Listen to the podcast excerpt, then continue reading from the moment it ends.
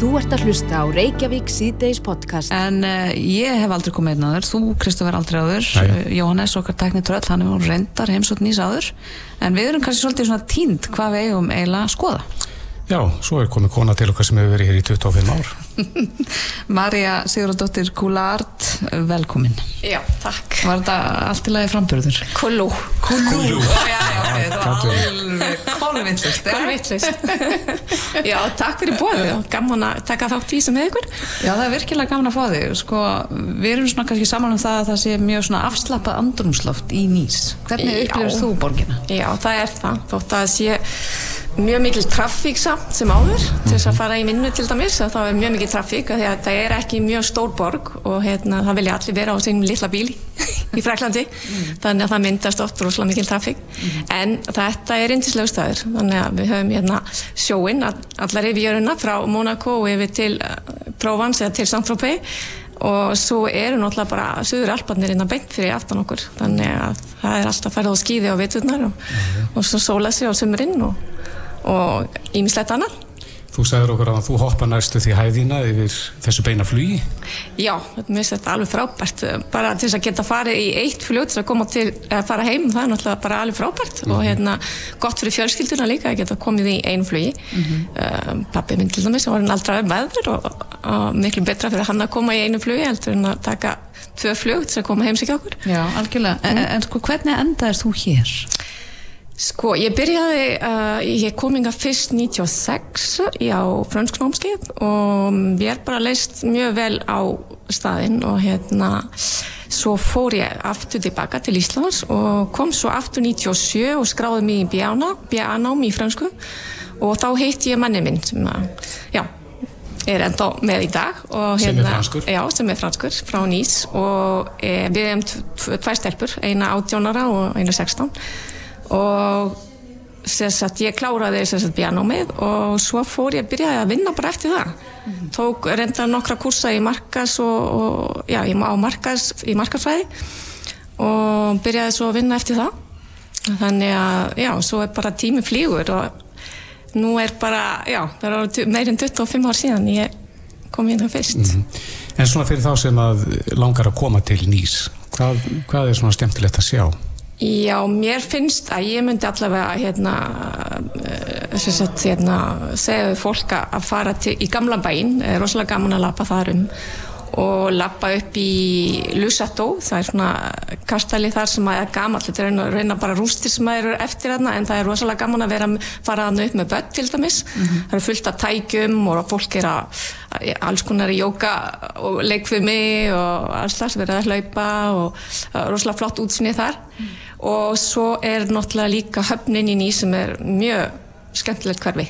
Fullt af flottum og góðum stöðum þar uh, veiningastöðum og bakaríum og, og svo er bara fallegu staður líka. Uh, uh, fara og kíkja á nýsbátana sem eru allir svona málaðir í, í, í alls, alls, alls litum. Rauðum, blár, græn og svo náttúrulega líka flottu snekkjurnar sem eru parkeraði í, í, í á höfninni Við sáum nokkra í dag. Heldur Já. betur.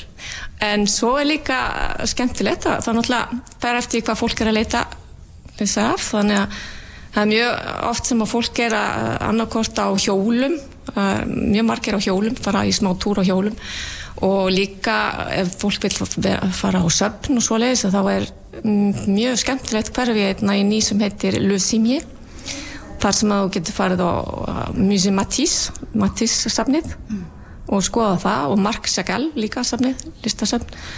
Og það er mjög skemmtilegt hverfi. Flotta byggingar og mikil saga og það er svona já, þetta er uh, svona residence hverfi í rauninni en mjög skemmtilegt að labba þar um og, og, og skoða. Og annars er náttúrulega nýs hún er svo vel staðsett að það er að taka lestina og, og eða, eða kera á bíl eða fólk vill freka taka lestina þá er þetta að fara beint í Monaco eða yfir til Cannes og stoppa á uh, ég myndi segja að leggja til að að stoppa í Villefrans uh, sem er hérna 15 mínútur kersla frá Nýs og svo stoppa í Beaulieu og í Es þið þekki það, það er æðislegu staður. Eitt held að flottasta útsýni sem að sem þú getur séð held ég Er þess að einfalt að taka lestina? eða? Já, mjög einfalt. mjög einfalt og svo er líka, sko, ef maður vil fara og það er líka náttúrulega hægt að fara upp í sveitirnar yfir til Saint-Tropez, mjög skemmtilegt en það er náttúrulega, þá þarf það að fara á bíl leiða bíl og, og hérna keira þanga upp í sveitirnar sem er mjög fallegt fara og skoða vínegrutnar og, og keira niður til Saint-Tropez og það er mjög skemmtilegu túr. Þannig að maður Og þarf það- kannski að taka frá alveg svona tvær vikur til þess að skoða svæði almennilega. Já, ég myndi nú segja það. En þetta eru svona dagsferði sem er mjög skemmtilegt að að gera. Vera einn dag í Cannes fara einn dag yfir til Monaco og stoppa í litlu bæjónum eins og Villefranche-sur-Mer Es, Villars og Cap d'Aille. Og svo eru, já, öll þessi strönd er afskaplega falleg Og löng. já, og löng, en það er alveg þess virði uh, útsýnið er alveg frábært Já. þannig að þið munið alveg fíla það sko En, en um, ég er svolítið fóruðin um matinn í Já. Nýs. Hvað, hvað er einhverju svona réttur Nýsbúa? Já, ég myndi, ef þið farið nýr í gamla bæ til dæmis, að þá myndi ég, það er eitt að, það er samloka sem að þið verðið að smakka, Ó. sem heitir Pambanja, er ekta nýsva samloka með hérna túnfiski og radísum og grænum bönum og tómutum og agurku. Og svo er sett rosalega mikil ólífólja og salt og pipar. Og þetta er alveg mjög góð samloka og engin, engin fita þannig ekkert óholt í því. Og svo verður líka smakka það sem heitir á eh, torg sem í gamla bænum sem heitir eh, Kursaleia það er markaður þar á, á hverju mótni.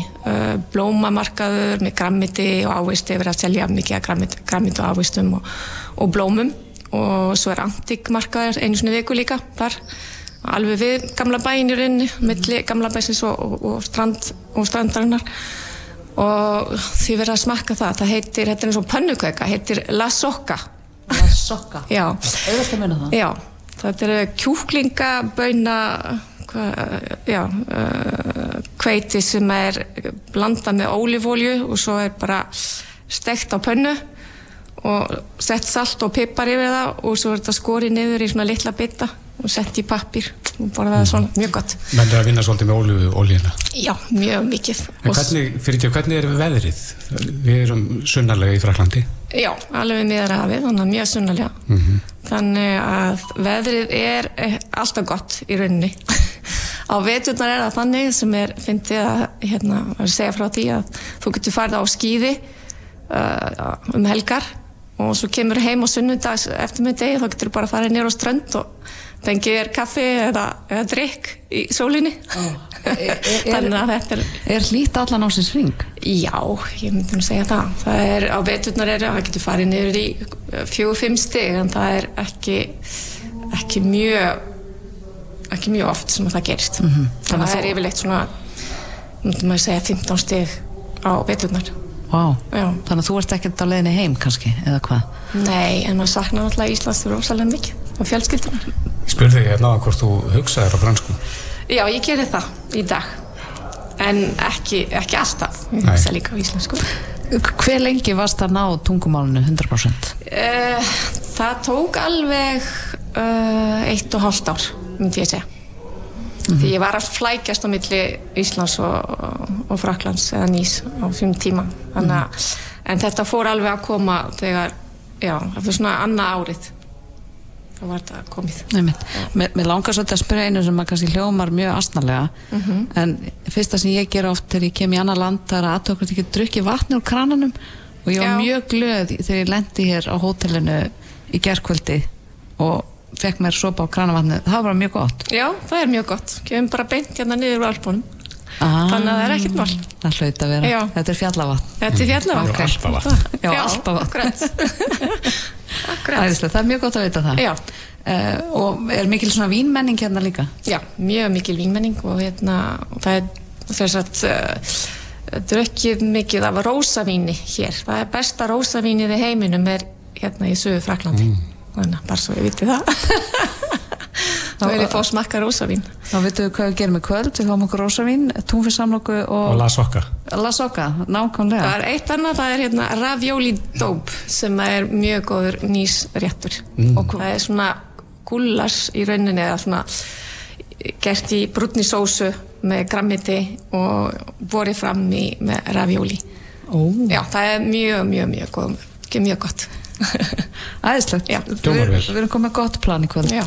Ok, ég ætla að gera aðra tilræn með eftirnafnið. Það er Marja Sigurðardóttir Kulu. Já, mjög gott. Yes.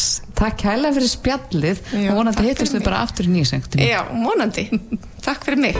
Þú ert að hlusta á Reykjavík síðdeis podcast. Já, nýs síðdeis heldur áfram og við minnum að það, það er að fylgjast með ferðalægin okkar eh, svona hluta til inn á Instagram síðu Bylgjunar. Já, það er bara bylgja 989 og, og það er hægt, ég mæli bara með því að fylgja þeim Instagram-reikningi alla daga. Já. Það er alltaf eitthvað skemmtilegt sem kemur inn. Ekki spurning. Eh, Þegar ég fyrir inn á blika.is að þá sé ég glitta í þá gulu uh, næstu daga. Ó, er það, er það rétt Einar Sveinbjörnsson sem er á línunni? komið sæl. Já, Sæll. það er nokkuð til, nokkuð til því og margir orðnir langegir eftir sólinni Suðvestanlands. Heldur Það betur. er, það er gert ráð fyrir því að sólinn skýni að minnst okkur sem er köflum á morgun og hérna það er miklu þurrara loft á leiðinni til okkar núna, það er, það er breyting. Það verða svona einhverja dregjar af þessu úrkomusvæði sem að hanga yfir Östurlandi framan á morgundeginum og síðan er áfram sko gert ráð fyrir þurru lofti og sóli mjög víða á sunnudag en þá er meiri strekkingur í lofti, söðu-vestan og vestan strekkingur, sérstaklega norðanvertlandi. Getur orðið Hva, hvað varð úr óþægilega- þessum kuldapolli einar? Já, hann er Já. á leiðinni yfir okkur bara í nótt, nótt og í fyrramáli.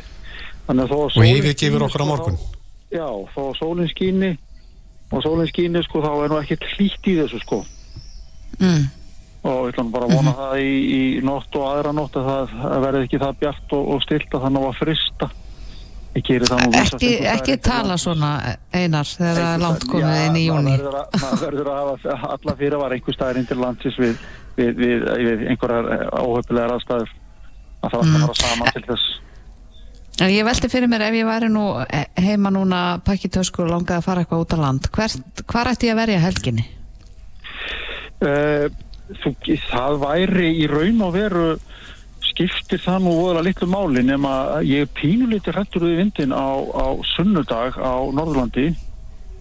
Og, uh, og í sjálfu sér eh, ef þú býr suðvestanlands og þetta nú ekki að fara neitt mjög langt. Kannski ekki vera alveg við sjóun því að það er aðeins nabræri í gólan af hafi. Vera í, vera, vera aðeins inn í landinu. En svo er þetta það er þetta að finna ótrúða svona því að fara á hana nýja tjaldveg á bliku sem var bara að fara í loftið í gær og þar er þetta að láta, láta kerfið velja fyrir sig á milli t- eitthvað um 200 tjálstaða og rafa þeim niður eftir veðri.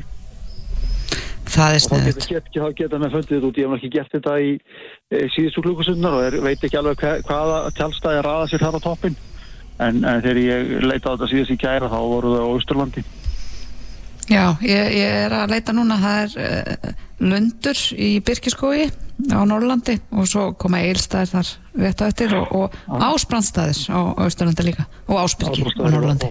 Já, akkurat, akkurat. Og þetta eru stæðir sem maður ætti að, að heimsækja. Já, en síðan er sko næsta vika sko, eftir að svo það gengur hann niður með þennan strekking á sunnudaginn og þá er bara hægur vindur fram í vikuna og þá fara hittatöluna bara hækkandi sérstaklega á Norður-Austurlandi það er spáð þokkalega þurru má ég að segja á landinu eða alveg þurru vel fram í vikuna svo bara, þá bara spurningu um það hvað sólin er að stinga sér í gegn sko. Já, þú komst með langtíma spána fyrir okkur eh, ekki alls fyrir löngu þar sem þú talaður um að júni, júli og ágúst erðu góði mánuður. Hefur það ekki gengið nægilega vel, eftir? sko, ég var, var, var kannski meira að horfa á, á tímabilið í hildsinni og síðan júni sérstaklega og talaði þá um þess að það er því háþristisvæði sem að er því í Grendvirlandi og það hefur nú heldur betur gengið eftir og mun gera það áfram en tóka ég fram fram að það skipta öllu máli staðsetningin á því hvað yrði um úrkomusvæðin utan í því og skýja bakkana Já. Er veðrið að kólna einar svona á Íslandi svona ef þú lítur aftur í tíman? Nei, það er ekki að kólna. Við bara bú, bú, búum bara áfram við þessar sveiflur sem hafa alltaf einkent sérstaklega sumarveðráttuna frá öru og valda. Mm. bara það er, það er sveiflur við getum, við getum fengið gott sumar og svo næsta verður alveg hundfullt og, og, og, og, og svo framvegið sko.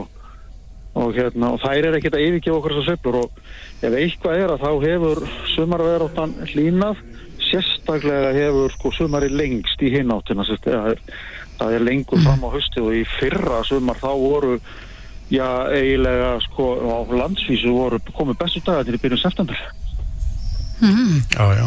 Ok, það er nú gott að vita að til það er alveg til í það minu Já, þannig að einmitt, við svona erum uh, alveg upp við þessar sveiblur og að elda veðrið þannig að ég býst nú ekki við því að verði nokk tíma, tíma að við þurfum ekki að skipulegja sumarað okkar út frá veðrinu sem er að verða svolítið þreytandi sko. Nei, það er bara eitt af því sem við þurfum að hafa að gera það er að, að eldast við veðrið og eldast við sólinu það er svona þjóður í þrótt íslefninga á sömurinn Já. Er sama sem eftir milli einar þess að uh, veðrið þar að segja að það er gott veður í Evrópu á meginlandinu og þá er slæmt veður hjá okkur og er, það er stundum sem það á við og reyndar mjög oft og sérstaklega ef það eru ef það er háþrýstingur yfir Breitlandsegjum og Skandinavíu og þá renna læðirnar sér upp hingað og valda rigning og söður og vesturlandi og góðu veðri á norður og austurlandi og síðan öfugt ef það eru rigningar í norður Európu þá er veð, veðrið oft skárra hér og sérstaklega þá söður og vesturlandi en þetta er bara svona Þetta er líka svona mýta, menn tala gerna svona, það er dálítið til í þessu en þetta er ekki alveg algilt. Já, þannig að við þurfum sem búum á höfuborgarsvæðinu við þurfum ekki að ferðast langt um helgina ef við viljum fá ágættisviður þú varst að þú væri litið hrættu við vindin á Norðurlandi um helgina. Ertu þá að hugsa um kannski fólk með te tengjavagna? Já, og líka bara fólk sem er í tjöldum hún tekur, tekur aldrei í. Og nú heldur verið að ágerast í spánum finnst mér í dag með það sem að var áður. Þessi vestanátt, þetta er engin, þetta er engin sko Þetta er, engin, þetta er ekkit óveður en, en, en, með lí, en í líindunum að þá finnum maður samt fyrir þessum vindi. Já, og það er að kíkja inn á blika.is til þess að skoða veðrið á tjálstæðanum uh, framöndan. Klálega. Já, Einar Sveinbjörnsson, veðurfræðingur hjá blika.is, kæra þakki fyrir þetta og góða helgi. Takk, takk sem að leiðis. Þetta er Reykjavík C-Days podcast. Já, mikil róleheit, við erum ekki í partilitarfloknum. Nei, falleg borg. Mm -hmm. uh, á leiðinni hingað í gæra þá vorum við svona spjall okkar milli að það er ímsa spurningar lofti hvað varðar flugvílar Já, og þegar maður er í flugi og alls konar reglur og, mm -hmm. og, og svona protokól sem eins og maður segir sem mm -hmm. maður svona skilur ekki alltaf 100% Nei, þess vegna leitum við til sérfræðingsins. Á línun er Haugur Reynisson flugurextarstjóri og flugstjóri hjá Æslandir Kom til sæl. Það komið sæl Haugur, færð þú ekki reglulega einhverja svona skrítnar spurningar um flugvilar? jú, jú, við fáum, við fáum yfirlega einsar spurningar um, um flugvilar og bara svo sem alveg er lett fólk hérna, fólk uh, kann ekki alla, alla hluti um, um þetta þannig að það er bara yfirlega að fræða fólk um þessu hluti En mannstu eftir skrítnustu spurningunni sem þú hefur fengið? Uh, ú, skrítnustu spurningunni ég, ég hérna var nú bara hlusta hérna á síðan í útvarpinu áðan og fyrst, ég held að svona einn svona áhugaverð spurningin er, er það sem að þið kostuðu fram hérna í útvarpinu áðan eða hvað, hvert fer uh, það sem að fer niður í klósetinu Gumsið. hérna, Gumsið í klósetinu Nei, en ég veit að margir velta þessu fyrir sér haugur vegna þess að sko, þegar þú sturtar niður þá er eins og það opnist bara gata á vilinni og gumsið sógist út. Já, það kemur hansi svona sterk, sterk svona sóhljóð sem var reyndar ekki hérna í, í flugvölu fyrir nokkar mára síðan. Eitthvað var þetta svona bara flipi sem að, sem að gekk niður og, og sér svona bara kvarf. En hérna í dag er svona stert svo, svo hljóð og, og tilgangur með því er bara er að, er að koma þessu sem hraðast niður í, í tankin sem þetta gengt í, í, í vilni uh, og þar leðandur náttúrulega minkar þetta líkt í baðherbygginu og, og hérna þetta situr ekki í einhver, einhver neðan. Já, það er svona rót þró. Já, það er bara tankur í, í vilunum fyrir niðan uh, hvert svæði það sem að, að klósetin eru. Og, og það verður alltaf verið þannig eða hvað? Já, já, alltaf, alltaf verið þannig. Mm. Þetta er nefnilega lífseg mýta, sko. já, ég held að það verður frekar svona ógeðfælt ef við verðum að hérna, þeysa þessu út um loftin blá, sko. Þannig að hérna, við verðum ekki komast upp með það lengi. Nei, herri, það er önnur spurning sem að kveiknar. Er hægt að opna hurðina á flugi? Flestar flugular eru hannað þannig að e, hurðarnar liggja út í lás sem það, síður það er að það þrýstast út í lásana uh, og læsingar í, í hurðargatina og síðan er mismunna þrýstingur inn í velinni og fyrir auðvitað mismunna þrýstingur sem ítir hurðinni út til lásuna. Þetta pluss að hurðin náttúrulega læst með handfóki uh, gerir svona ill mögulegt að opna, opna hurðina á flugir. Sko. Það er, það er tæknilega hægt Það er mögulegt en, en hérna frekar er vitt og eiginlega bara íll mögulegt til dæmis í, í bóingvélunum sem að Ísland er er, er að fluga í dag. En það eru til eins og flugra sem eru með öðruvísi, öðruvísi læsingar, það sem eru möguleiki að, að opna. Og, og gott og vel, að, en, en ef hörðin er opnuð í flugi, er hægt að loka henn aftur? Já, já, það er alveg hægt. Uh, hins vegar það sem það gerist ef flugulegur í mikilvæg hæð Eh, að það var náttúrulega þrýstingsmunurinn mikill inni og uh, inn í velinni og fyrir tannskum þannig að það hefur náttúrulega ekki, ekki góðar afleggingar en tökum sem dæmi ef að, ef að velin er opnið, eh, eða hurðin er opnið í kannski 5.000 fetum eða eitthvað svo leiðs í lægri hefð þá verður það að loka hurðin áttur Já Annars sem að maður veldi fyrir svo það er nú reynda verið í dágóðan tíma að fólk er hvað til þess að slökka á símum og snjáltækjum hafa símar áhrif á siglingakerfi eða, eða kerfi vélarinnar? Já, það er þannig að búnaður sem borði í flugulum er uh, vinnur á ímiskonar uh, eh, svona bylgjum uh, hérna, bylgjum sem, sem eru í, í loftinu og, og tíðnisviðum og sama er með farsímana. Þannig að það er ákveðin tíðnisvið hjá, hjá farsím, í farsímum og í flugulum sem að fara ekki saman. En mm. það er fyrst og næst að leggja áherslu á þetta náttúrulega á krítiskasta hluta uh, flugsins sem er þá flutök og, og lendingar.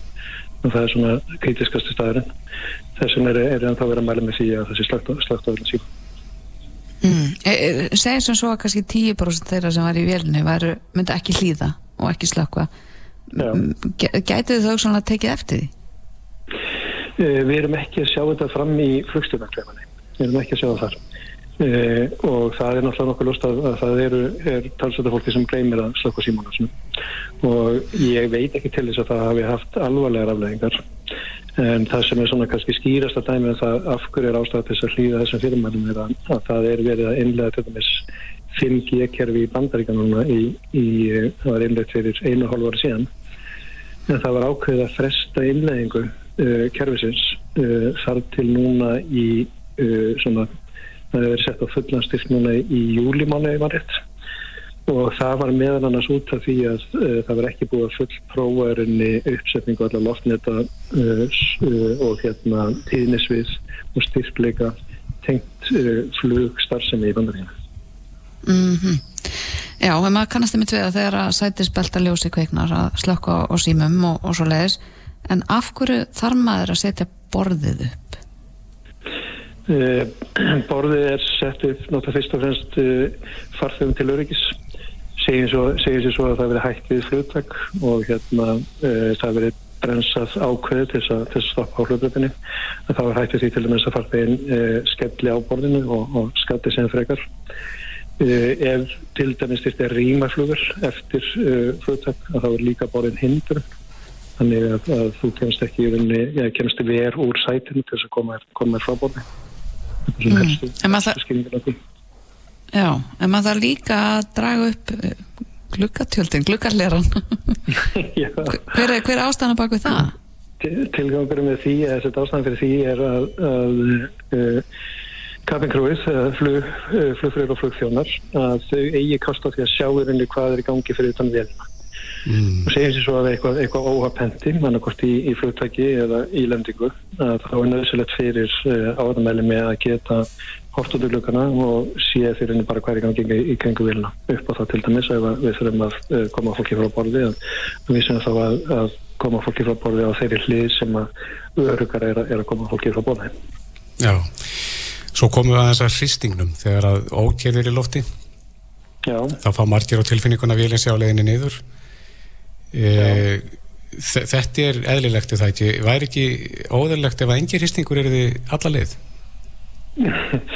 Það gerist nálega sko að, að það er bara, bara stilt, stilt og gott og, og hérna, en það er nú frekar sjálfgeft og uh, það er þannig að, loftið er uh, í, fyrir ofan okkur er, er þannig að það er á, á mikillir heimingu uh, það, það er ekkert óalgengt að við sem að horfa til dæmis á vinda sem eru kannski 100-150 nótur í, mm -hmm. í, í svona háum farfusæðum við þennan mikla vindirunni þá verður núningur lofts og það eru loftmassar sem eru að mismiklum hraða sem geta allir eða valdið teitingi og síðan er breyting og hítast í talsir eftir hæðum líka og allir þessir þættir eh, umhverju þættir runni gera það verkumurunni að, að loft er, er svona sjálfnast alveg, alveg stöður sko. mm -hmm. en mhm. eins og er í, í lang, lang flestin félagum stafar engin hægt af þessu Nei, en, en maður nú vanir því að þá fylgir því svona hávaði, skruðningar en ég veldi fyrir mér svona almennt af hverju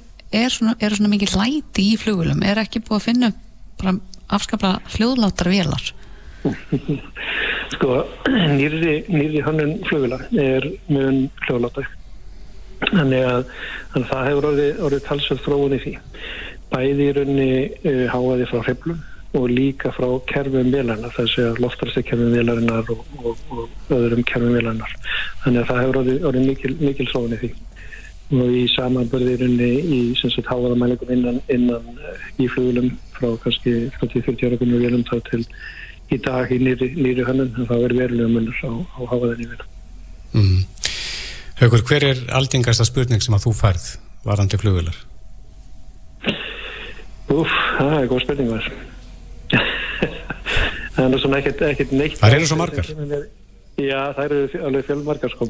Yfir, yfirleitt er að við erum að hugsa um farþegana það var náttúrulega farþegin helst að vesla fyrir sér bara hérna hvort að hlutinni kom ekki til með að standast á tíma og, og farþegin komið til með að komast á áfangastáður eitthvað tíma og svo hamis og við leggjum gríðilega mikið metnað upp úr því hjá Íslandirðinni að standa við það þjónustu sem við erum að, erum að veita og hérna leggjum miklu áherslu það að, að vera á tíma mm. uh, komast að staða tíma og, og lenda á rétt, réttum tíma á réttum stað Mm.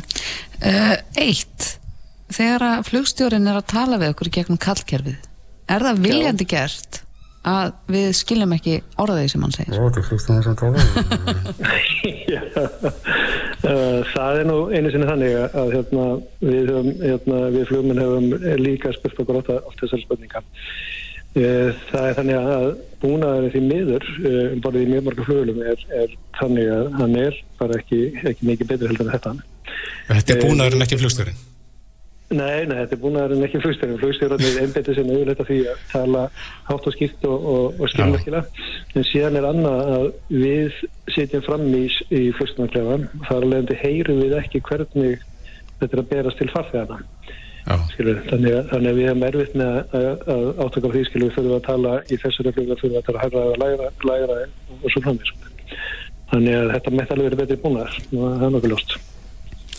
Ég vona að grínast með það við Lilja hérna daginn að ég fór á ústýttaleg eh, Vals og Tindastóls á hlýðarenda Já. og þegar að lið anstæðingarna var kynntinn á völlinu þá breyttist vallarþöðlurinn í flugstjóra.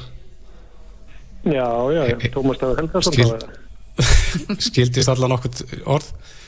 Nú, en þetta er aðalega grín. En já, já þetta er, er aðdeglivert Mér næst í huga að þetta hefur verið einn aðra stöðningsmaður tindastóla sko sem var, var flugstjóri á okkur sko. Já, var flugstjóri ykkur? Já, já. já, já Nei, nei, það var aðalega það að það skildist ekki orð sem hann sagði. Já, svo leiðis, já. En Haugur Einarsson, fuguraugstarstjóri, kæra þakki fyrir að fara hans yfir þetta og, og hérna svara þessum nokkurnum spurningum sem að kviknuðu hjá okkur og fleirum sem að senda okkur línu og spurningar í dag. Kæra þakki fyrir spjalli og góða helgi. Uh, takk samanleis, njóti nýs. Þetta er Reykjavík C-Days podcast. Jæja, nýs C-Days og heldum að fara nú og komin í samband við Uttaríkis ráþennan. Þórtísi Kolbunur Reykjörg Gilvardóttur, kom til sæl. Sæl, þessu. Já, þetta eru, þetta eru stórskref að stíga að uh, loka sendir á því Moskvu og, og nánast að reyka rúsnarska sendir að heim. Já, það eru þetta stór ákvörðun að, að leggja niður starfsemi. Við höfum verið uh, með starfsemi í, í Moskvu síðan 1944, nær óslítið. Við lögðum niður starfsemi um tekjára skeið uh, upp úr 1950, en öðru leiti höfum við náttúrulega þarna verið og, og mikil saga og samskipti og gegnum tíðina viðskipti og það hafi verið komið niður í, er núna komið niður í nánast ekkert. -hmm. þannig að um, vissulega og svo gerum við ráð fyrir þessari svona gagkvæmni í því þannig að uh, þau munum yngu um sig sín hér um, um 70% og, og sendaherran uh, fara og ekki koma nýr sendaherra í staðin fyrir fyrsta mm -hmm. júli e, eins og ég myndist á einn áðan þá hefur nú svo sem verið kallað eftir þessum síðan að rúsa riðast inn í Úkrænu nánast en af hverju er þess ákvörðin tekið núna á þessum tímapunkti? Já, það er alveg rétt. Ég hef þetta uh, margóft verið spurðum það og við höfum um, fylgst með því hvað önnur löndar að gera og náttúrulega öll lönd í kringum okkur hafa tekið fleirin eina ákvörðun um ímiskonar, uh, ímsar ákvörðanir. Uh, kalla fólk heim, senda fólk, uh, reka hérna, mannskap úr rúsneskum sendiráðum og svo framvegis og, og stundum bara uh, með ímsum rökum líka stundum uh, vegna hérna annarleira starfsáta bara eins og njóstna og stundum bara vegna þess að það er starfsemi sem að passar ekki við hérna svona skildur vínasamning og svo yfir í bara aðrar ástæðar eða ekkit uppgefið. Og við höfum bent á að sko slíkar ákvarðanir fyrir okkur sem myndi þá fél í sig gagkvæmni hefði aðrar afleggingar fyrir okkar smáa sendir á uh, í Moskvu með mjög fáum starfsmunum og, og ég hef sagt að, að það þurfa einfallega að vanda þar til verka og hugsa það til enda. Núna erum við bara einfallega á þeim stað að það eru ekki fórsendur til þess að starfrækja sendir á í Moskvu. Við starfrækjum sendir á til þess að við halda á ebla pólitísk tengst Um, mm bæ auka viðskipti og svo svona menningarlega tengst og í tilfelli Rúsland þá eru pólitísk samskipti nánast engin. Og það er hluti af okkar hérna, skýru viðbröðum að einangra rúsnesk yfirvöld eins og kostur er. Viðskiptin hafa hérna hríðfalli og eru nánast engin. Og menningarlega tengsl eru algjöru lágmárki Er við að slíta á þessi diplomatísku tengsl Nei, það er ekki það er mikilvægt að það komi fram. Við erum ekki að slíta uh, á stjórnmáli hérna, sambandi við Rúsland og það hafa löndinni kringum okkur ekki heldur gert. Þannig að við erum ekki að gera það. En við erum fallið að segjum það er ekki fórsendur eins og staðan er núna vegna augljósa, það er ekki þessi pólitísku tengsl eru ekki til staðar og viðskipin ekki heldur og almenn mm -hmm. tengsl bara ekki vegna háttsemi og, og þess hvernig hérna, rúsar koma fram. En vegna þess að þær fórsendur eru eins og þær eru þá, er, þá erum við ekki að, að halda þessar starfsemi áfram. Við leggjum hana niður þannig að við lokum ekki formulega sendiráðinu. Við getum þá hafið starfsemi aftur á okkar fórsendum þegar við kjósum að gera það. En það hangir auðvitað saman við það hvernig uh, rúsar koma fram og þá er eðlilegt að það fel í sér þá, hérna, þá gagfæmni þar að segja að að rús, rúsneska yfirvöld séu ekki hér með þá umfangsmiklu starfsemi sem þau eru með hér sem endur speklar ekki samskipti í þjóðana. Þannig að uh, það þýðir þá að sendiráðinu verður ekki stýrst af sendaherra, hvorki þeim sem er hér nú, nýja öðrum, og að þau drægi saman um, eins og ég segi, um, um 70%. Hefur þið fengið viðbröð frá Rúslandi eða öðrum þjóðum? Ég hef eh, fengi, ég hef náttúrulega upplýstið mína svona nánustu kollega uh, um, um þetta og ég hef svona bara fylgst með uh, fréttum og öðru slíku og svona þeim fréttum í erlendu miðlum um þessa ákvörðun en ég hef ekki fengið neyn bein viðbröð frá, uh, frá hérna rúsneskum yfirvöldum uh, við þetta mhm. upplýstum um sendaherran í morgun um þetta og, og, og, og það bara gekk ágjörlega en á öðru leiti ekki fengið neyn svona bein viðbröð frá, frá Rúslandi. En skiptir það einhverju máli í svona stóra sammenginu að smáþjóðan eins og Ísland taki þetta skref? Í það, ég er kannski ekki alveg best að, að til þess að dæma um það og ég held að tíminn líka muni einhverju leiti svona leiða það í, í ljós um, en eins og ég segi þá hafa löndin kringum okkur uh, tekið fleirin einu og tvær ákvæðanir um að draga saman og reka og, og, og, og svo framvegis þannig að, og við höfum ekki gert það. Við, þá, menna, við höfum ekki tekið slíka ákvæðan þannig að svona hlutfarslega að þá eru bara afleðingar af ákvörðun sem við tökum er aðrar vegna þess að við erum með hérna, fámennara uh, sendiráð. En auðvitað erum við það land sem leggur niður starfsemi í Moskvu uh, sem, sem hefur gert það og það hefur ekki hérna, önnur lönd uh, gert með sama hætti. Þannig að við þurfum að, að hérna, sjá til en ég meina allt, allt leiðir þetta samt sko af því að uh, rúsneska yfirvöld eru að skrifa sig út úr alþjóða samfélagin með, með hérna, þeirri framkomu og ólulegum hérna, innrás og, og þeim brotum sem að þau stunda þar í landi. Þannig að uh, það má segja að það eru, það eru þau sem hérna, stýra því hvernig mál þróast Hafði, hafði þessi árás á stípluna eitthvað áhrif á þessu ákvörðun? Ég hef sér segi, við höfum uh, sko leið yfir þessu í langan tíma. Hvernig ætlum við að haga okkar samskiptum, okkar starfsemi, uh, hvernig byrstist okkar forgáðsröðun, okkar utaríkis stefna, utaríkis þjónusta og, og hvar erum við yfir höfuð með sendi, sendiráð. Við erum tiltölu að nýbúin að opna sendiráð í, í, í Pólandi um, sem að ég forgáðsröða inn í ráðanætinu fyrir. Við erum bara með tvíl þegar sendur á átjón stöðum og, eins, og þetta er mikil saga þarna.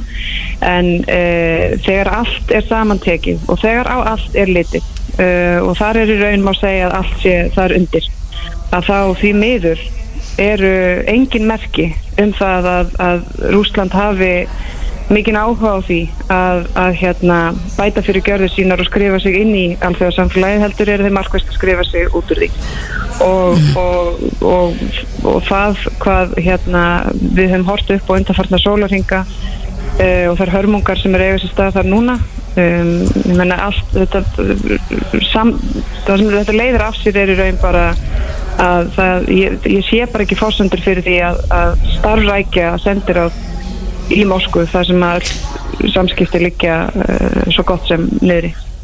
Mm, Og mér heyrstu ekki vera sérstaklega bjartinum að þráðurum verið tekin upp aftur í uh, náinni framtíð Ég vona svo sannlega að það verði þannig en, en ef við bara lítum tilbaka frá allt frá árunni 2000 og, og við byrjum bara 2008 það er raunættilega að horfa enn aftur sko en 2008 með Georgi, 2014 með Krím alls er innrás 2022 og hvernig þessi skref hafa þróast uh, eitt er að vera í stríði og ólöglugu stríði en, en annað síðan þú horfir á bara alla aðra framkomu og, og hérna og þau brot sem að uh, þeir fremja inn í landinu að þá því miður þá, þá er ég ekki bjart sín en, en aftur, ég menna til þess að þessu stríði ljúki að þá fyrstur úsar að, að hérna að draga að fara, fara með sinn uh, flóta og sína menn uh, utan landamæra sem eru hérna ekki þeirra. Þannig að það, það verður bara komið ljós en, en ég get alveg verið sinnskil með það. Það er ekki, það er ekki mörg jákvæð teikn á lofti eins og staðinni núna. Mm -hmm. Þeim þetta Þórtís Kolbrún Reykjörg Gílóðdóttir utanrikiðsáður að kæra þakki fyrir þetta og góða helgi. Takk fyrir kælega, góða helgi. Reykjavík síðdeis á Bilginni podcast. Já, áfram höldum við í nýs síðdeis þegar klukkan er hálf sex að íslenskum tíma, hálf átta hér í Fraklandi og við rákum augun í ansi áhugaverða frétt í dag. Var þetta gerfegrendartækni í Kína. Mm -hmm. ný tækni sem anditskreinir fólk úr fjarlagð og rínir í óeftirsóknarverða óeftirsóknarverða hegðun var kynnt hundruðin fyrirtæki peking í dag. Og þessi óeftirsóknarverða hegðun eins og er sagt frá í frettin á rúf.is er til dæmis eh, reykingar slagsmál og það einhver sé ekki með grím Já, Helgi Steinar Gunnlaugsson alþjóða stjórnmálafræðingur og sem að bjó lengi vel í Kína er eh, á línunni, kom til sæl.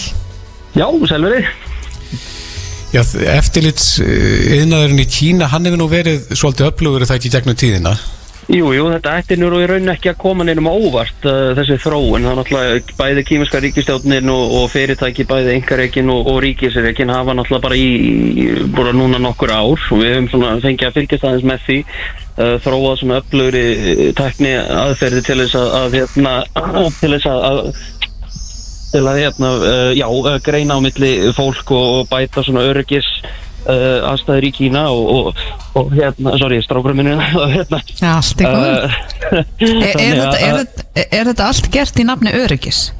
Það er í rauninni það sem að kýmverðarnir segja og kýmarska ríkistjónin alltaf, uh, það hefur alltaf já, já, pappir að setja á stöpana. Það hefur alltaf það er alltaf fylgst um manni já, já það er hérna Já, Latabæ núna, já, já uh, Sko, Ah, það flott. er nefnilega uh, sem sagt, uh, náttúrulega fyrir nokkrum árum síðan þannig að það byrjaði þessi þróun að eiga þessi stað, þá var það þannig að, að, að, að við fórum að heyra þessu social credit kerfi og, og að það var verið að fylgjast betur með fólki svona, og svo náttúrulega þegar COVID kom þá náttúrulega var ennþá uh, færðist í aukana þetta hérna, uh, hvað maður að segja, þessi tækni að, að það var verið að greina sko uh, hvort fólk var að kaupa kannski eitthvað ákveðna vörur sem að þú veist, ef þú varst að kaupa dæmis, áfengi þá gastu mist social credit, ef þú varst að kaupa blegjur þá fegstu svona auka social credit og, og, og það, er búið að vera pröfu keira þetta svona í hinum á þessum svæðum í Kína og það er nú þegar alveg á nokkrum uh, stöðum uh, í, í Peking, þú getur dæmis innritaði, skilst mér, uh, inn á flugvöll bara með notkun andlits. Uh, þú getur borgað uh, með vörum af því það er bara, uh, andlitið er komið á sagt, í gagnagrunn bara í Kína. Þannig að, að, að þetta, þetta kerfi er nú þegar innleitt. Um, En það, það sem Já. ég fannst aðalega skrítið við sko þetta hérna uh, sko óæskilega hegðun það náttúrulega er sko fyrst alveg náttúrulega reykingar er mjög algengt í Kína þannig ég veit ekki það kemur svolítið óvart að það er allt í orðin hérna uh, sagt uh, orðin skilgrein sem einhver óæskilega hegðun en, en jú, jú, slagsmál og, og, og svo annað þannig að ég hugsa sko hjá hinnum almenna kýmir að það er örgulega lítið á þetta bara að hugsa já, ég meina, þú veist, ef ég er ekki að gera neitt rátt, ég meina, af hverju ekki Já, en þú talar hérna um social credit Helgi Steinar. Uh, h- hvað gerist þegar þú ert komin neðu fyrir eitthvað þak eða uh, viðmið í social credit? Uh, já, er, er sko- fólki refsað? Já, sko, það, er líka aðeins að taka fram, það er ekki búið innlimit út um allt Kína, sko, þetta er búið að vera á svona tilraunastegum uh, og, og sko, vestræni fjölmeira hafa kannski gert aðeins meira uh, mál úr þessu heldur en, uh, en það er náttúrulega alveg veist, þess að hugsa það, það verður meira mál, þetta verður meira mál eftir einhver, einhver tíma, en þú byrjar sem sagt með þúsund stig og, og svo uh, getur annarkort uh, unnið stig eða þú gefur til góðgera starfsemis eða eitthvað svoleiðis eða þú kannski uh, einhver týnir peningaveskjunin og, uh, og þú finnur það og skilar því til lauruglustöðurinn þá farið auka stig uh, ef þú sagt, uh, ert á vanskil eða uh, eitthvað svoleiðis eða þú ert fullur og almanna færi þá getur þú misstig og það því og, sagt, sem, því meiri stig sem þú missir uh, því verð sett eftir þá getur ekki það missa að þú færð ekki uh, ef þú ert að reyna að fá pláss á leikskóla fyrir badni það getur orðið erfiðar þú getur ekki fengið lán uh, þú getur ekki ferðast. Það verður ómögulegt að lesta um- já þú færð að missa já missir fyrsta lagi fríðindin og, og svo eftir því sem verður og verð þá Uh, sem sagt, þetta er rauninni bara eins og Black Mirror þátturinn sem að hérna, margir töluðum á sínu tíma.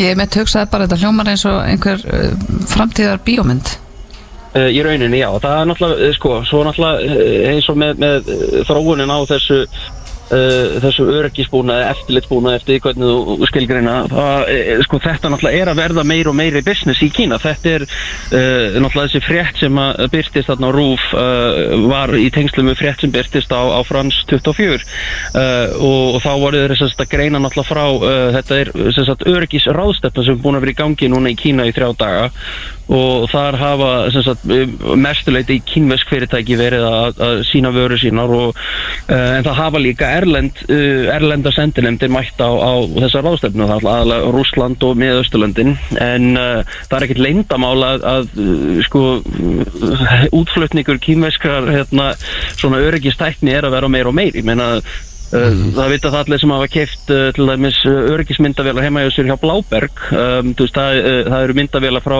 bæði Tuya og hérna, Chwango sem eru kýmersk fyrirtæki. Um, fyrir lönd eins og Íran, Ekvator uh, myndavélarkerfi út um allan heim. Það, þú veist, kýmerar náttúrulega eru búin að þróa þetta í mörg ár og, og, og eftir því sem salan eikst þá náttúrulega fara að leita kannski til svona ódýrara myndavélatekni og ég veit náttúrulega ekki hvort að veist það er náttúrulega um, kannski ég vil ekki tengi þetta beint við hérna, uh, kaupgleði ríkislauruglustjóra fyrir hérna Evrópafundin en, en það er uh, ég meina ef að á Íslandi vill vera að, að sagt, auka auka sér í svona búnaði og svona það náttúrulega það fellur ágætlega vel í það að Ísland er með einhvern fríverslunarsamningarna við Kína ef þetta fer að vera það sem uh, fyrir að fara að flytja út í auknum mæli í framtíðinni. Já Almenningur í Kína hefur kannski ekkert um þetta að segja en, en er almenningur sáttur við þetta fyrirkomalag? Já, það er náttúrulega, uh, sko þeir náttúrulega hafa ekki, ef þeir eru ósátt við það þá er ekkert verið að segja mér frá því. Uh, ég held að sko þeir kýmera sem ég hafa að tala við þá þetta er meir og minna, það er samhljómar aðna sem er bara ef ég er ekki að gera neitt rámt þá, þá ef ég er ekki að gera neitt að mér þá hef ég ekkert oftast uh, mm -hmm. það er náttúrulega líka þetta er náttúrulega allt önnur þjóð þetta er að, ég er búin að vera að segja þetta lengi að, að við þurfum náttúrulega líka aðeins að skilja hvaðan kýmerarnir eru að koma þegar að kemur að þessu hérna, hvað, hvað er mikilvægt í þeirra lífi Veist, við alltaf spáum mjög mikið einstaklingsfrelsið og, og, og, og svona og í Kína þá uh, það sem skiptir mestu máli í þeirra augum er náttúrulega bara veist, heiður um, uh, fjölskyldan og það er bara svona uh, já það, það er uh, þetta er kannski, það er kannski ástæðin fyrir því að, að þetta social credit system og allt þetta sem er búið að vera að færast í aukana undanfarin ár um, þau er ekkert að mótmæla þessu kannski eins mikið um, þau -huh. og við myndum vera að gera þau er náttúrulega bara, yeah. það, það er allt annar hugsunaháttur uh, þar í landi Já, maður hefur nú svo sem heist uh, áhyggjur fólks eftir þennan Evroparáðsfund hér er ekki ekki svo myndist á varðandi eftirlitsmyndavilar að það er kannski bara verði áfram á sínum stað og, og við svona já, lát, látum þetta yfir okkur ganga Ég, það er náttúrulega, sko, ástæðin fyrir ég var að minnast á þetta var að, að það í rauninni, e, það er kannski ekki endilega ástæði til að hafa áhyggjur en, en það eru þessi þættir hérna að við erum með hennar fríverslunarsamning, þetta verðist vera uh, bara frá því COVID byrjaði í rauninni að, að, að kýmurar vilja svona og fyrirtæki uh, vilja bara tilenga sér uh, þennan yðnað og vilja auka framlegslu á, á öryggistækni og, og myndavélum og, og, og svona eins og með náttúrulega gerfigreindina í, í spilinu þá verður, verða bara ótal möguleikar í bóði og, og ég held að mm -hmm. það mhm. þurfi bara á næstun að vera annarkvæmt eitthvað umtal innan eða einhver umræð innan ríkistjóðnarinnar eða e, samfélagsins um það e, hvað ætlum við að gera í þessu ætlum við að, að, að taka þessari tekni fagnandi og, og kaupa e, hérna, fleiri svona myndavelar og, og hvað annað eða ætlum við að, að segja stopp og hérna uh, kannski mynd okkur eitthvað aðra stefnu mm -hmm. Já, þekkir það Helgi Steinar varðandi stjórnvöld ef við tökum bara sem dæmi á Íslandi hafa mm. þau algjörðan frí passa með að koma upp svona tækni eða þurfti það að vera einhverju samráði við almenning? Já, sko, ég þekki það nú ekki alveg nógu vel ég, uh, það er með að við hvernig uh, uh, með hversu kaupglöð þeir voru hérna við og, og hérna, það náttúrulega var verið að tala um það náttúrulega í morgun að það eigi að byrta þennan lista og, og hérna raukstið, já, og það er kannski það sem að þarf að gerast, að ef við förum í eitthvað svona, það þurfti þá að raukstið, að það á mjög svona sterkum, það þarf að vera allavega einhver sterkur grundöllu fyrir því, ekki bara að vera að, að hugsa já, já, kínurarnir eru nú byrjað að framlega hérna, uh, svona tækni, ég menna þetta getur virka vel hérna á Íslandi. Akkurat Helgi Steinar Gunnlaugsson, alþjóða stjórnmálafræðingur og uh, blaðamára við Sjötablaðinu. Kæra þakki fyrir þetta og bestu hverjum í helgina. Já, takk fyrir það, sumulegis.